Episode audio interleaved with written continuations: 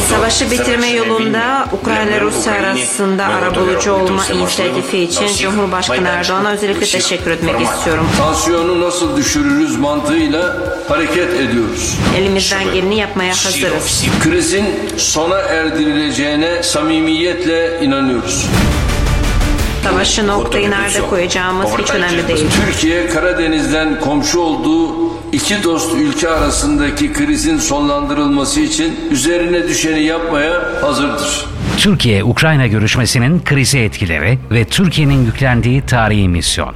Batı ile Rusya arasında devam eden Ukrayna krizinin çözümsüzlüğe doğru gittiği kritik günlerde Cumhurbaşkanı Recep Tayyip Erdoğan'ın yaptığı Ukrayna ziyareti neredeyse tüm dünya ülkeleri tarafından yakından takip edildi. Türkiye ve Ukrayna arasında gerçekleşen kritik görüşmede serbest ticaret anlaşmasından savunma işbirliğinin geliştirilmesine kadar birçok anlaşmaya imza atıldı. Fakat görüşmenin ardından şüphesiz en merak edilen başlık Rusya ile Ukrayna arasında yaşanan gerilimle ilgili Türkiye'nin yapacağı ara buluculukla ilgili gelişmelerdi. Ukrayna Devlet Başkanı Zelenski, Türkiye'nin ara buluculuğundan duyacağı memnuniyeti açıklıkla dile getirirken, Cumhurbaşkanı Erdoğan ise Türkiye'nin Ukrayna'nın toprak bütünlüğünün yanında olduğu vurgusunu yineledi. Fakat genel itibarıyla temkinli ve diplomatik bir dil kullanmayı tercih etti. Tabii ki Erdoğan'ın temkinli yaklaşımının ve açıklamalarının ardında özellikle Batı ile Rusya arasında denge olma misyonunun verdiği sorumluluğun büyük etkisi vardı. Peki bu görüşmenin kriz üzerindeki etkisi ve Cumhurbaşkanı Erdoğan'ın yine Şubat ayı içerisinde gerçekleştireceği Putin zirvesinde etkileri ne olacak?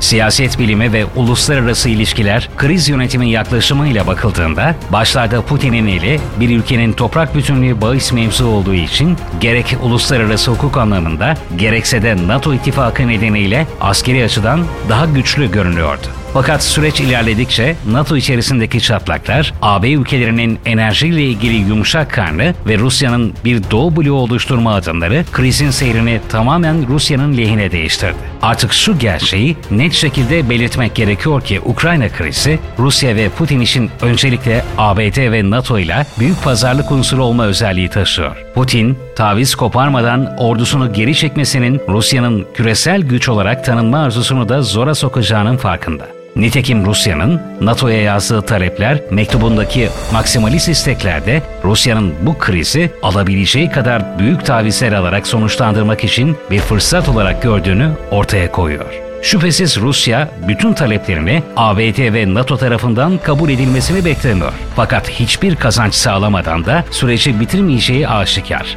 Bu yüzden Putin'le Cumhurbaşkanı Erdoğan arasında yapılacak görüşmenin önemi daha da artıyor. Zira neredeyse NATO ve Amerika Birleşik Devletleri ile diplomatik görüşmelerin tamamen tıkandığı bu noktada artık denge olacak ve hem bir NATO üyesi olması hasebiyle hem de Ukrayna ve Rusya ilişkilerinin iyi olması nedeniyle Türkiye krizin çözümü için son diplomatik seçenek olabilir. Putin iyi biliyor ki öncelikle zaman geçtikçe NATO içerisindeki konsolidasyon artıyor ve Ukrayna olası bir işgale direnme konusunda kararlı. Baltık ülkeleri ve Doğu Avrupa'da da Rus tehdidi algısı giderek yükseliyor ve bu uzun vadede Rusya'nın işine gelecek bir gelişme değil. Diğer yandan da Donbas'taki küçük bir işgal Rusya'nın diplomasi yoluyla alabileceklerinin yanında çok daha az şey ifade ediyor. Bütün bu dengeler ışığında Türkiye'nin devlet haklı ve Erdoğan'ın lider diplomasisi hem tarafların güvenlik kaygılarını giderme hem de taleplerini yumuşatmasını sağlayacak büyük bir potansiyele sahip. Türkiye, 3.